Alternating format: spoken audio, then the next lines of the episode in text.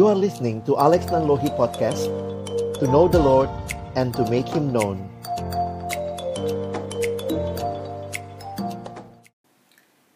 Mari sebelum kita membaca merenungkan firman Tuhan, kita berdoa. Bapa di dalam surga, kami bersyukur untuk cinta kasih dan anugerah-Mu yang Kau berikan bagi kami. Kembali hari ini Tuhan kumpulkan kami di hari perhentian yang Kau berikan bagi kami. Kami boleh datang bersekutu, memuji, memuliakan namamu. Dan tiba waktunya bagi kami untuk membuka firman-Mu ya Tuhan. Kami berdoa biarlah ketika kami membuka firman-Mu, bukalah juga hati kami. Jadikanlah hati kami seperti tanah yang baik, supaya ketika benih firman Tuhan ditaburkan itu boleh sungguh-sungguh berakar, bertumbuh, dan juga berbuah nyata di dalam kehidupan kami.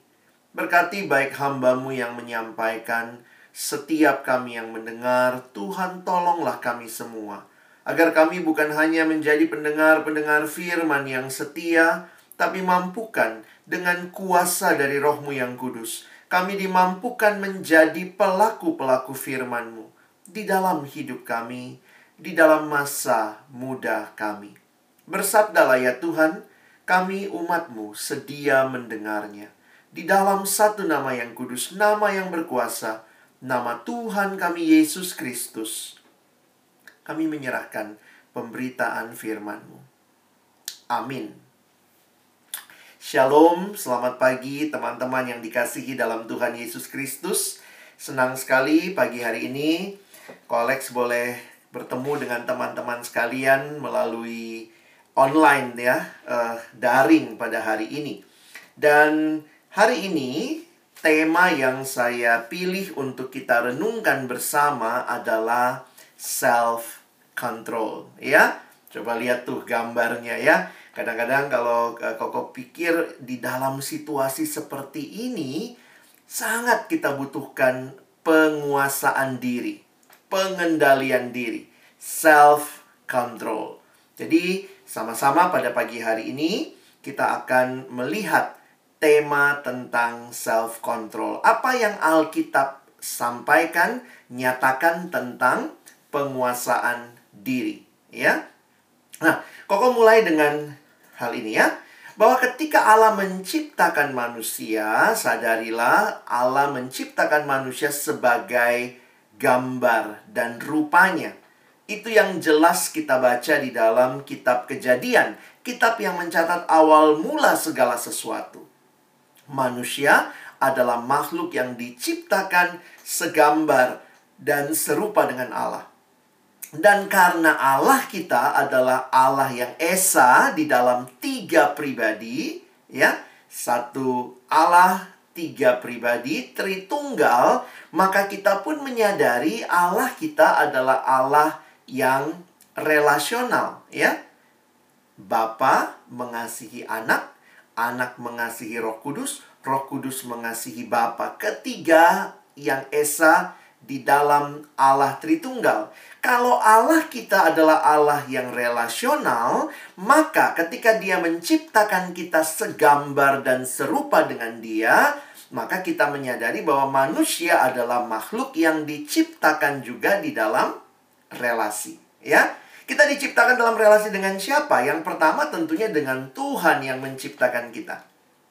Tapi bukan hanya itu, Tuhan juga menciptakan kita dalam relasi dengan orang lain, dengan sesama kita, dengan orang tua, dengan saudara, kakak adik, koko cici gitu ya, dedek kita, guru ataupun kalau kalian sudah kuliah dengan dosen dan juga dengan sahabat-sahabatmu dengan teman-temanmu. Tapi juga Tuhan menciptakan kita dalam relasi dengan diri kita sendiri, ya. Dan juga satu hal yang tidak lupa, Tuhan menciptakan kita di dalam relasi dengan alam.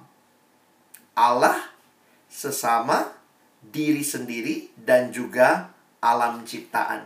Nah, kenapa Koko mulai dengan mengangkat hakikat manusia sebagai gambar Allah, hakikat manusia sebagai makhluk yang relasional, karena kalau kita bicara tentang penguasaan diri, kita bicara tentang pengendalian diri, gitu ya. Kita bicara tentang self control, Karena kita diciptakan dalam relasi, maka kita perlu punya pengendalian diri dalam kaitan dengan relasi-relasi yang ada di sekitar kita.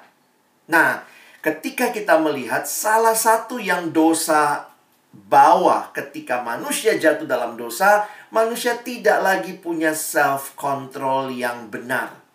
Harusnya manusia bisa menyadari bahwa Allah adalah Allah yang harus disembah. Tetapi manusia merasa saya yang mau jadi Allah. Harusnya sesama itu dikasihi, ya. Ketika manusia jatuh dalam dosa, perhatikan di dalam Kejadian pasal 3, manusia bahkan saling menyalahkan. Mereka menyalahkan satu sama lain, dan di dalam kejadian pasal yang keempat bahkan ditulis seorang koko tega bunuh dedeknya sendiri. Ini membuktikan satu realita manusia yang jatuh dalam dosa tidak lagi punya penguasaan diri yang sebenarnya. Bayangkan, alam yang harusnya dipelihara karena Tuhan kasih mandat. Penuhilah bumi, taklukkanlah itu, Berkuasalah atas ikan-ikan di laut, burung-burung di udara. Alam ini harusnya ditaklukkan, dikuasai, dirawat. Eh, karena tidak punya pengendalian diri, penguasaan diri, self-control yang baik, apa yang terjadi? Alam pun manusia rusak. Jadi, kalau kita perhatikan, penting sekali kita bicara penguasaan diri, karena realitanya ketika Allah ciptakan kita, Allah ciptakan kita dalam relasi. Dan relasi itu yang rusak di dalam dosa. Namun, di dalam Kristus, relasi-relasi ini dipulihkan kembali.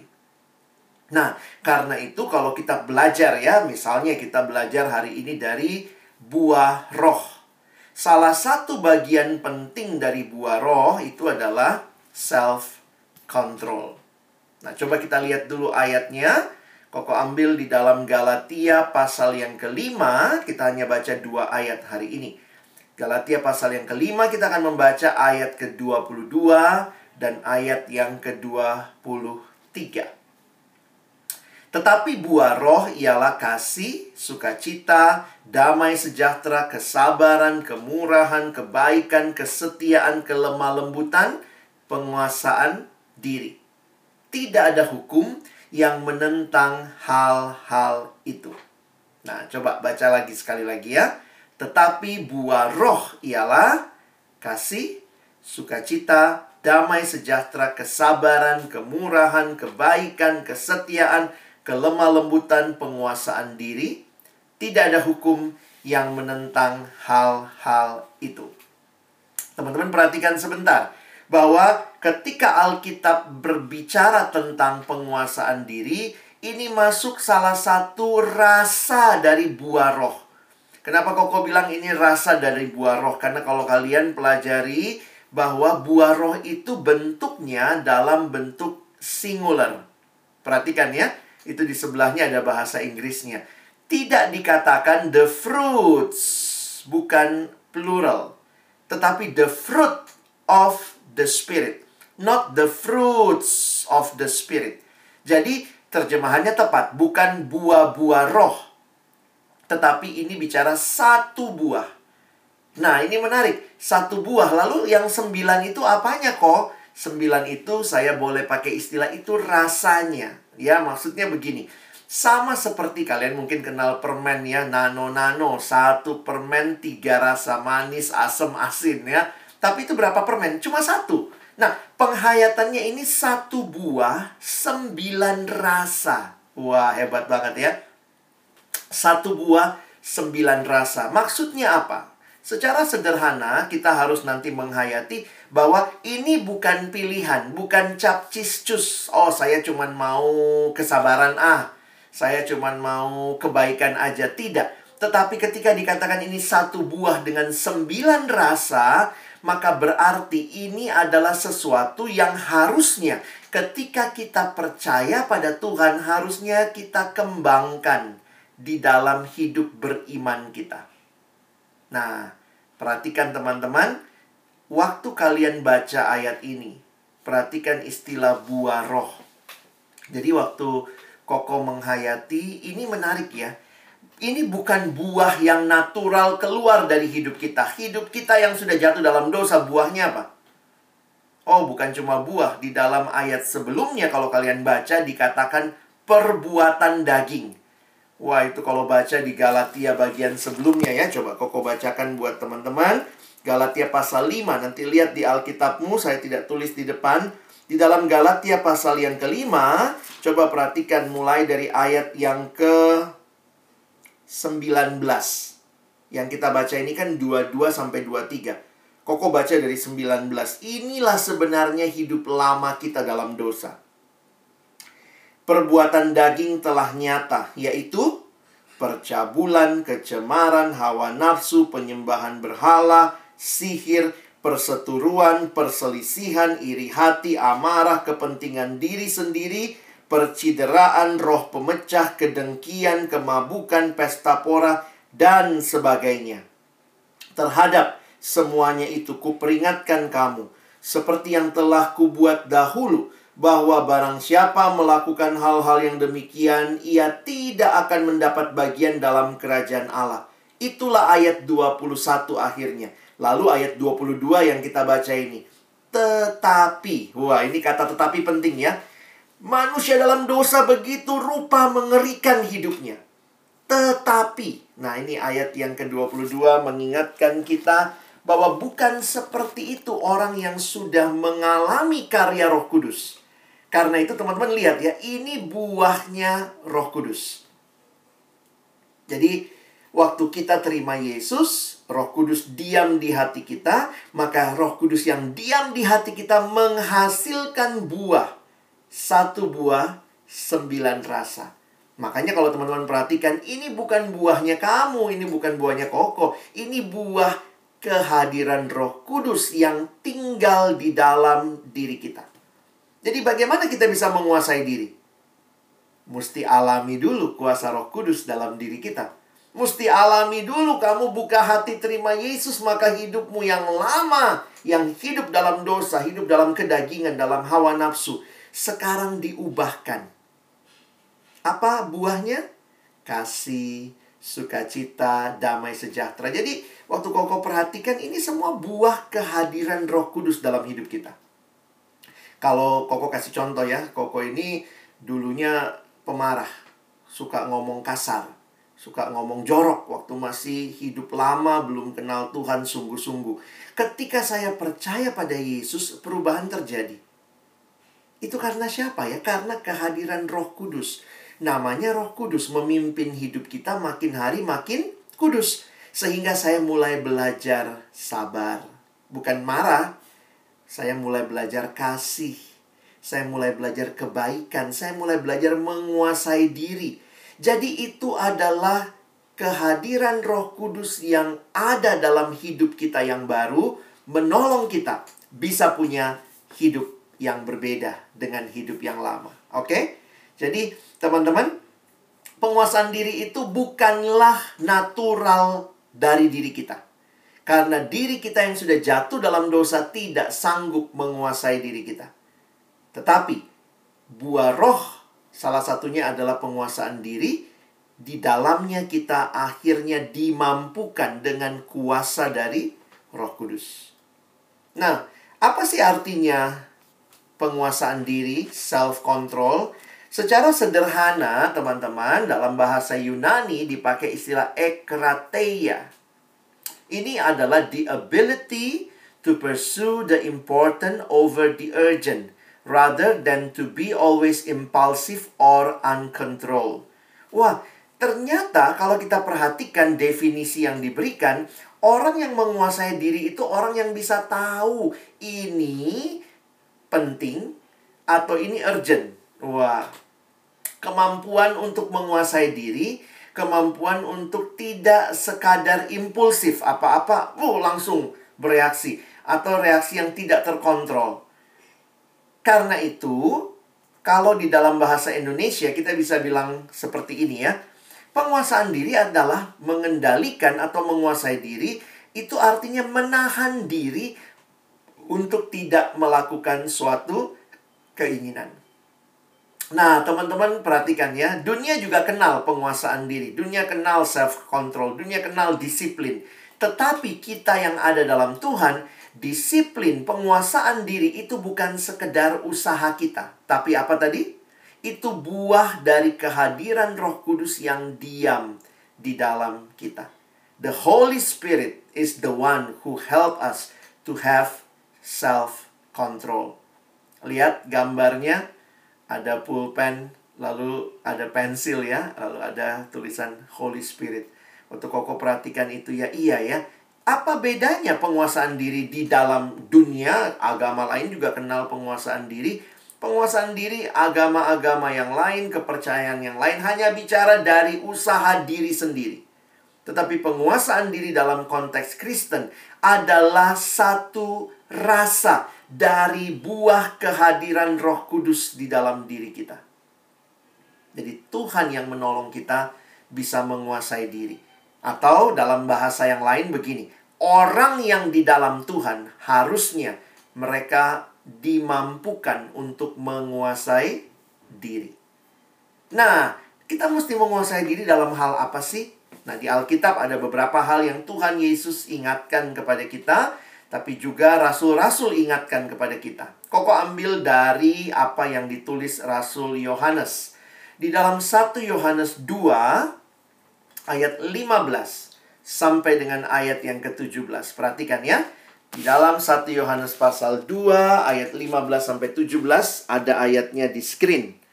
Janganlah kamu mengasihi dunia dan apa yang ada di dalamnya.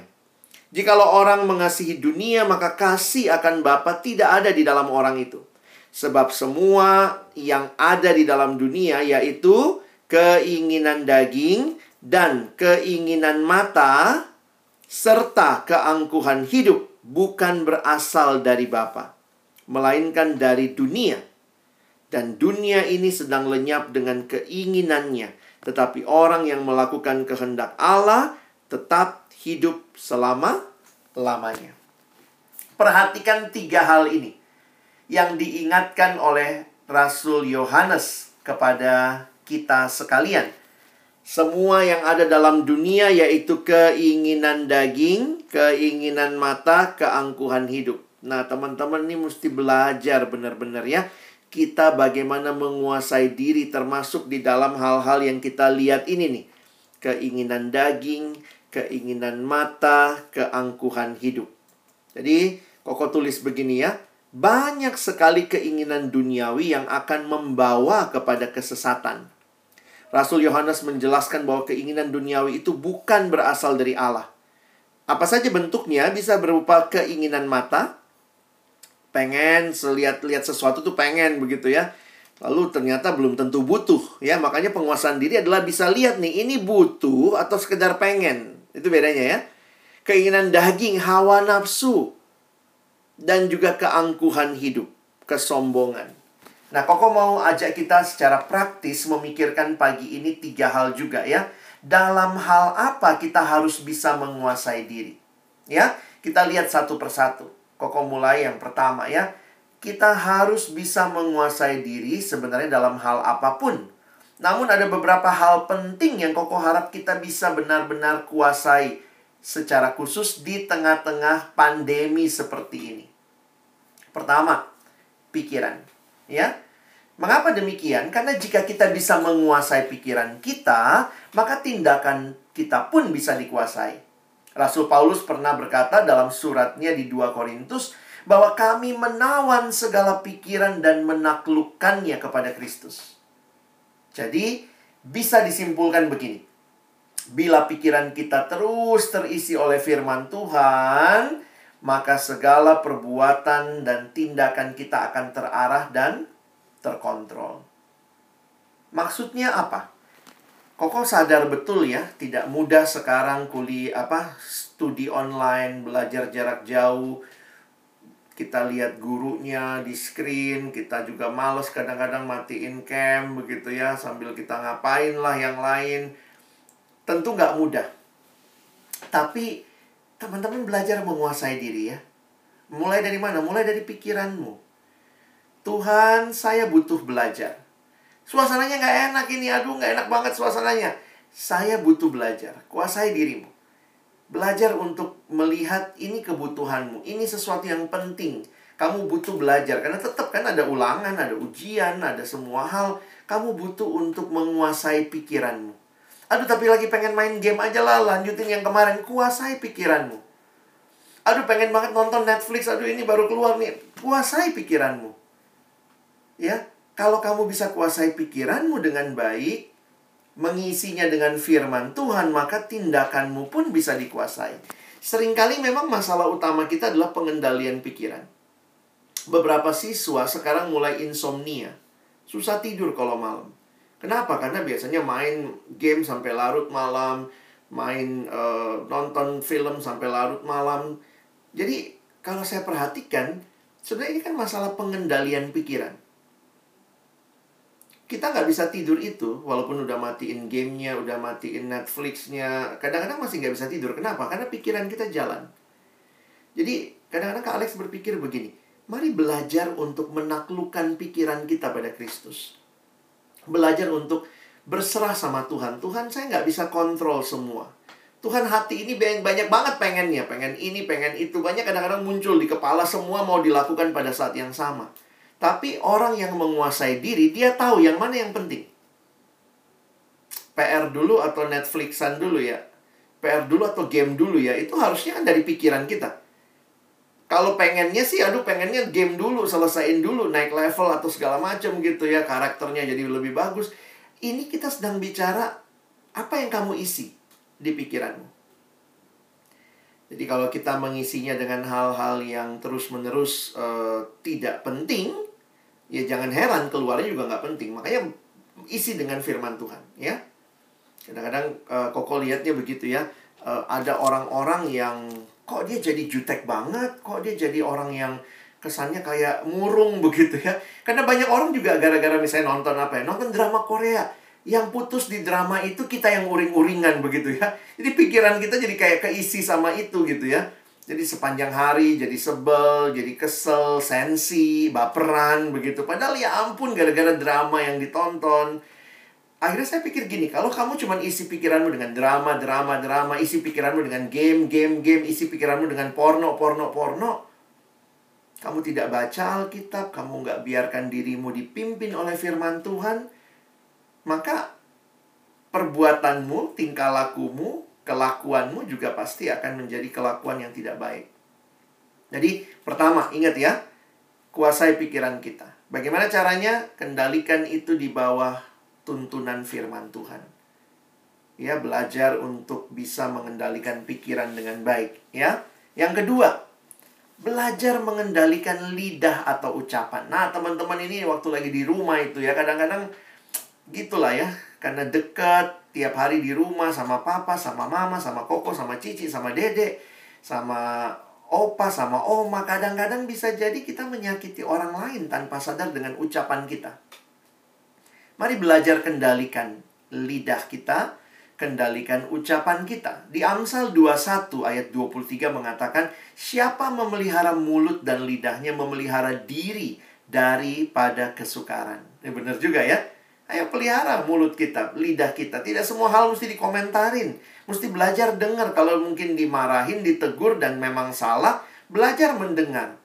Bahkan mungkin mesti belajar bilang, Papa, Mama, terima kasih udah tegur saya. Bukannya langsung balas, apa sih? Nggak ngerti aja anaknya lagi. Jadi kadang-kadang gampang sekali kita sulit menguasai lidah dan ucapan kita. Karena itu penting untuk mengontrol setiap kata-kata yang keluar dari mulut kita. Lihat, di dalam kitab Yakobus diingatkan ya, Yakobus mengingatkan lidah itu dikatakan gambarannya seperti kalian perhatikan ya, suatu anggota kecil namun dapat memegahkan perkara-perkara besar seperti api ya, lihatlah betapapun kecilnya api, ia dapat membakar hutan yang besar. Jadi hati-hati dengan lidah. Banyak kali sebelum orang baperan itu masalah utamanya di lidah salah ngomong lah, salah ucap lah. Sekarang mungkin kita perpanjang ya, karena lidah ucapan tidak selamanya. Sekarang juga ada di jari ya, yang ngetik-ngetik itu ya. Hati-hati dengan postinganmu, hati-hati waktu bales WA orang, bahas, bales line, belajar untuk encourage others, not only um, apa ya discourage one another. Jadi hati-hati dengan kalimat-kalimat yang kita sampaikan. Jadi ini yang Koko juga harus ingatkan. Di dalam situasi seperti ini, ayo belajar evaluasi ya. Apa kamu kurangnya di mana? Apakah masalah pikiran karena semua waktumu kamu habiskan untuk hal-hal yang belum tentu penting sementara kamu nggak baca renungkan firman Tuhan? Atau masalahmu mungkin di lidah, di ucapan, sekarang extensionnya adalah di jarimu. Dulu kan mulutmu harimaumu, sekarang juga jarimu jadi harimaumu. Hati-hati. Apa yang kita posting, apa yang kita sampaikan, apa yang kita balas gitu ya. Dan yang ketiga, hati-hati juga menguasai mata kita. Ada tertulis, mata adalah pelita tubuh. Ini kata Yesus ya, jika matamu baik, teranglah seluruh hidup tubuhmu. Tetapi jika matamu jahat, gelaplah seluruh tubuhmu. Jadi jika terang yang ada padamu gelap, betapa gelapnya kegelapan itu. Nah, jika kita tidak dapat menguasai mata kita, maka kita akan mudah sekali terjerumus di dalam dosa. Sebagai contoh, banyak remaja zaman sekarang yang tidak dapat menguasai matanya dan malah menonton melihat pornografi. Juga karena tidak tahan akan silau kemewahan dunia, banyak orang yang rela menimbun kekayaan dengan cara yang tidak halal, seperti korupsi. Nah, jadi teman-teman mesti hati-hati nih. Lihat lagi, apa yang kita pikirkan terkait dengan apa yang kita katakan, terkait juga dengan apa yang mau kita lihat, dan bayangkan kalau kita tidak menguasai diri. Makanya penting penguasaan diri. Nah, kita butuh minta kekuatan dari Tuhan. Makanya waktu Kak Alex bahas ini, uh, Koko jadi pikir gini ya, ini persis kayak lagu sekolah minggu ya. Jangan-jangan kita mesti balik sekolah minggu nyanyi ya. Hati-hati gunakan matamu, bling-bling gitu ya. Mata itu harus dipakai untuk hal yang memuliakan Tuhan. Hati-hati gunakan tanganmu, plak plak plak. Hati-hati gunakan mulutmu, kakimu. Tambahin lagi pikiranmu. Hati-hati. Kuasailah dirimu dalam hal-hal ini. Secara khusus di saat pandemi seperti ini, banyak waktu luang, banyak waktu senggang, kayaknya banyak waktu tapi ternyata tetap aja kita merasa kekurangan waktu. Lihat-lihat, jangan-jangan kita sudah mulai kecanduan. Tidak ada salahnya melakukan hal-hal yang baik begitu ya, nonton, makan, uh, itu kan hal yang baik ya.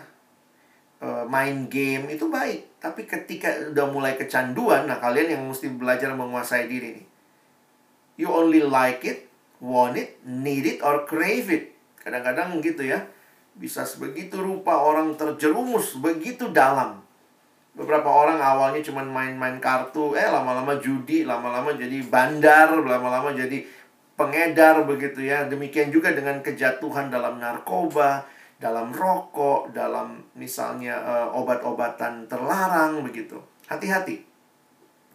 Tapi dalam dunia modern sekarang juga jangan-jangan yang mengikat kita, kita mesti bisa belajar menguasai diri ya Nih, kamu dikuasai HP atau kamu yang menguasai HP?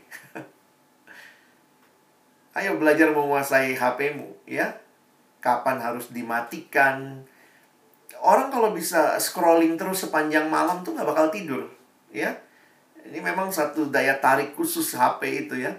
Kadang-kadang Koko juga belajar sekarang, kenapa ya gue suka susah tidur ya? Habis kayaknya selalu kalau lihat HP itu nggak bisa tidur gitu ya. Karena terus ada hal yang excited begitu. Taruh Mesti belajar menguasai diri. Ini namanya smartphone, tapi jangan sampai kita yang make jadi goblok gitu ya. Namanya smartphone tapi goblok phone juga jadinya. Karena dalam HP yang canggih, banyak orang yang jatuh dalam dosa juga. Kuasai diri dalam hal belanja. Nah, ini buat generasi sekarang ya. You you know what you need gitu ya. Bukan bukan only what you want. Apa yang kamu pengen. Karena memang begini ya, sekarang dengan banyaknya toko online gitu ya, hanya sejauh klik begitu, lalu kemudian cara pembayarannya mudah, bisa juga bayar di rumah dan segala macam, itu kayak gampang sekali orang beli barang. Sehingga banyak kali, kenapa kita beli barang? Butuh atau pengen? Kadang-kadang pengen ya. Beberapa kali saya ketemu anak remaja, kok gue beli ini nih. Ya. Kenapa? Kenapa lu beli itu? Lucu. Oh, oke. Okay. Alasan beli barang lucu. Terus habis dibeli ketawa. Ketawa terus gitu ya. Maksud Koko ya boleh lah ya. Kita belajar juga untuk memilih dan memilah apa sih yang betul-betul kita butuhkan. Ya, Jangan sampai kita terjebak dalam konsumtif. Ya. Apalagi yang kita perlu kuasai diri. Nah, kuasai diri nih. Drama Korea nih ya. Wah, lagi musim-musimnya nih ya. I'm so tired but I cannot stop watching. Jangan-jangan kita bukannya cuma penonton tapi sudah menjadi pecandu ya beda nonton kamu yang menguasai pecandu kamu yang dikuasai ya karena banyak drama-drama yang bagus Koko juga nonton beberapa gitu ya dan Koko pikir ada orang-orang yang uh, jalan ceritanya bagus kadang-kadang sinematografinya baik begitu tapi jangan sampai kita yang dikuasai apalagi kalau berseri-seri kayaknya wah kita jadi dikuasai oleh hal itu Ya, mungkin ada yang bilang, ah, gua mah nggak nonton drakor kok. Iya, tapi mungkin ini masalahmu ya. Kecanduan game online. Kamu bukan cuma pemain game, sudah jadi pecandu game begitu ya. Pecandu kamu yang dikuasai. Bahkan beberapa orang juga sudah jatuh dalam masa-masa ini dalam pornografi. Jadi kok mau kita jujur untuk melihat ya. Kita sudah dikuasai atau kita yang menguasai diri kita. Kita belajar menahan diri Belajar untuk berkata tidak kepada hal-hal yang kita tahu tidak membangun kita, tidak mengubahkan kita. Jadi ini pertanyaan penting. Jadi sejauh mana kita sudah menguasai diri kita? Memang penguasaan diri itu tidak mudah. Dibutuhkan proses yang panjang untuk memiliki karakter seperti ini. Itulah sebabnya kita perlu berserah dan taat kepada Roh Kudus tadi ya karena melalui kehadiran Roh Kudus inilah buahnya. Makanya bukan dibilang buah Alex ya, buahnya kamu bukan ini buahnya Roh Kudus. Penyerahan diri kepada Roh Kudus untuk menaklukkan daging dan menguasai diri kita sendiri. Jadi this is the fruit of the spirit. Self control. Jadi kehadiran kuasa dan uh, kehadiran Roh Kudus dan kuasanya menolong kita mengalami perubahan. Nah, apa sih yang Tuhan sediakan bagi kita untuk bisa memastikan terjadi perubahan ini? Yang pertama tadi yaitu Tuhan kasih Roh Kudus. Itu adalah pribadi Allah sendiri yang diam di hati setiap kita yang percaya. Yang kedua, Tuhan kasih firman-Nya. Tuhan kasih firman-Nya untuk kita baca, renungkan setiap hari. Dan Tuhan berikan komunitas yang sama-sama membangun kita. Ada koko cici di sini yang menolong kamu, mengingatkan, berjalan bersama, mendoakan kamu. Saya pikir kita butuh. Kita butuh komunitas. Bagaimana saya bisa survive? Bagaimana saya bisa menguasai diri? Roh Kudus hadir dalam dirimu. Yang kedua, firman yang kamu baca setiap hari biarlah menjadi pelita bagi kakimu, terang bagi jalanmu. Itulah firman Tuhan. Dan komunitas yang membangun kita sama-sama. Dan apa yang terjadi ketika kita menguasai diri. Apa manfaatnya? Penguasaan diri akan membentuk kita menjadi pribadi yang lebih dewasa. Dengan penguasaan diri, kita tidak akan mudah terbawa arus dosa duniawi. Dengan memiliki karakter ini, kita akan semakin serupa dengan juru selamat kita, Yesus Kristus. Masih ingat tiga yang tiga hal yang kalau teman-teman ingat dilakukan atau diminta oleh iblis ketika Yesus dicobai. Kalau kalian masih ingat, ubah batu ini jadi roti, jatuhkan dirimu ke bawah, sembahlah aku. Beberapa orang mengkaitkan itu dengan tiga hal yang diingatkan Yohanes tadi, ya.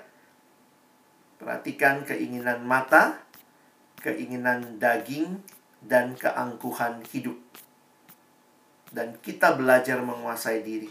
Makin kamu menguasai diri, sebenarnya itu makin mirip seperti Yesus ya. Yesus mengatakan, bukan manusia bukan hidup hanya dari roti, tapi dari firman yang keluar dari mulut Allah. Jatuhkan dirimu ke bawah, jangan mencobai Tuhan Allahmu.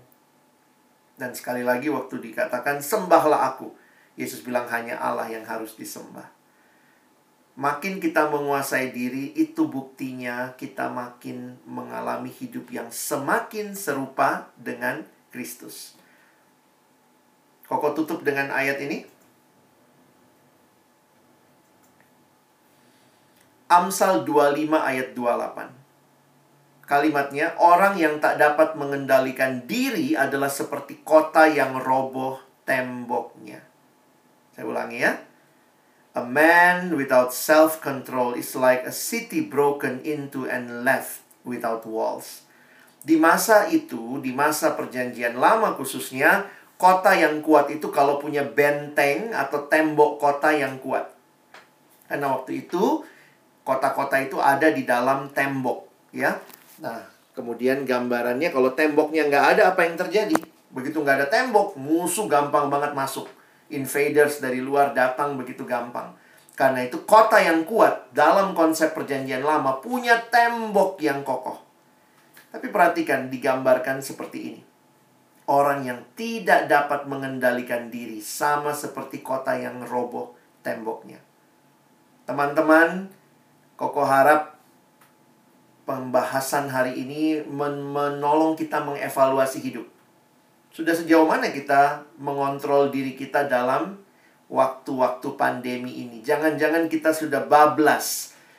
Bablas nonton, bablas ngegame sampai bukan lagi penonton jadi pecandu, bukan lagi pemain game tapi sudah pecandu game. Mungkin juga kamu sudah masuk ke dalam pornografi kah atau apa? Kamu sudah rusak relasi di rumah dengan kata-kata yang tidak bisa kamu kontrol. Kamu rusak relasi dengan teman karena cara kamu ngelain dia nggak bener, nggak pas. Kalimat-kalimatmu kasar. Ini kesempatan. Mari minta Tuhan, tolong saya. Roh Kudus tolong aku bisa menguasai diriku. Supaya ketika aku menguasai diriku, aku pun bukan hanya jadi berkat buat diriku. Aku bisa jadi berkat bagi sesama. Kiranya firman Tuhan hari ini menolong kita dalam masa-masa ini, masa harus belajar dari rumah, harus lebih banyak tinggal di rumah, kebaktian ibadah pun dari rumah, tapi kita pun tetap bertumbuh di dalam penguasaan diri.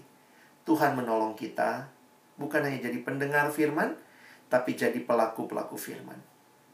Amin. Mari kita berdoa. Bapak Surgawi terima kasih buat firman-Mu. Setiap kebenaran yang sudah kami terima Biarlah menolong kami juga dalam masa-masa yang tidak mudah saat ini. Sebagai remaja ada di masa pandemi. Kami berdoa mampukan kami Tuhan. Tetap bertumbuh dalam Tuhan. Menjadi semakin serupa dengan Kristus. Salah satunya adalah dengan menguasai diri kami kami bukan jadi orang-orang yang dikuasai oleh hawa nafsu, dikuasai oleh keinginan mata kami, dikuasai oleh keinginan daging kami.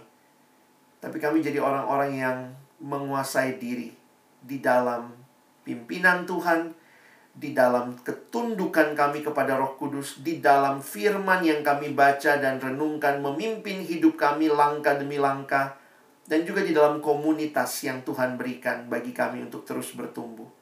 Ketika ada yang menasihati kami, menegur kami, biarlah kami terbuka dan kami pun boleh melihat itu adalah cara Tuhan mendisiplin kami, membangun kami, menolong kami lebih baik, lebih bertumbuh semakin serupa dengan Kristus. Terima kasih. Tolong kami bukan cuma jadi pendengar firman, mampukan kami jadi pelaku-pelaku firman-Mu dalam hidup kami, dalam masa muda kami. Dalam nama Tuhan Yesus kami bersyukur untuk firman-Mu pagi ini. Amin.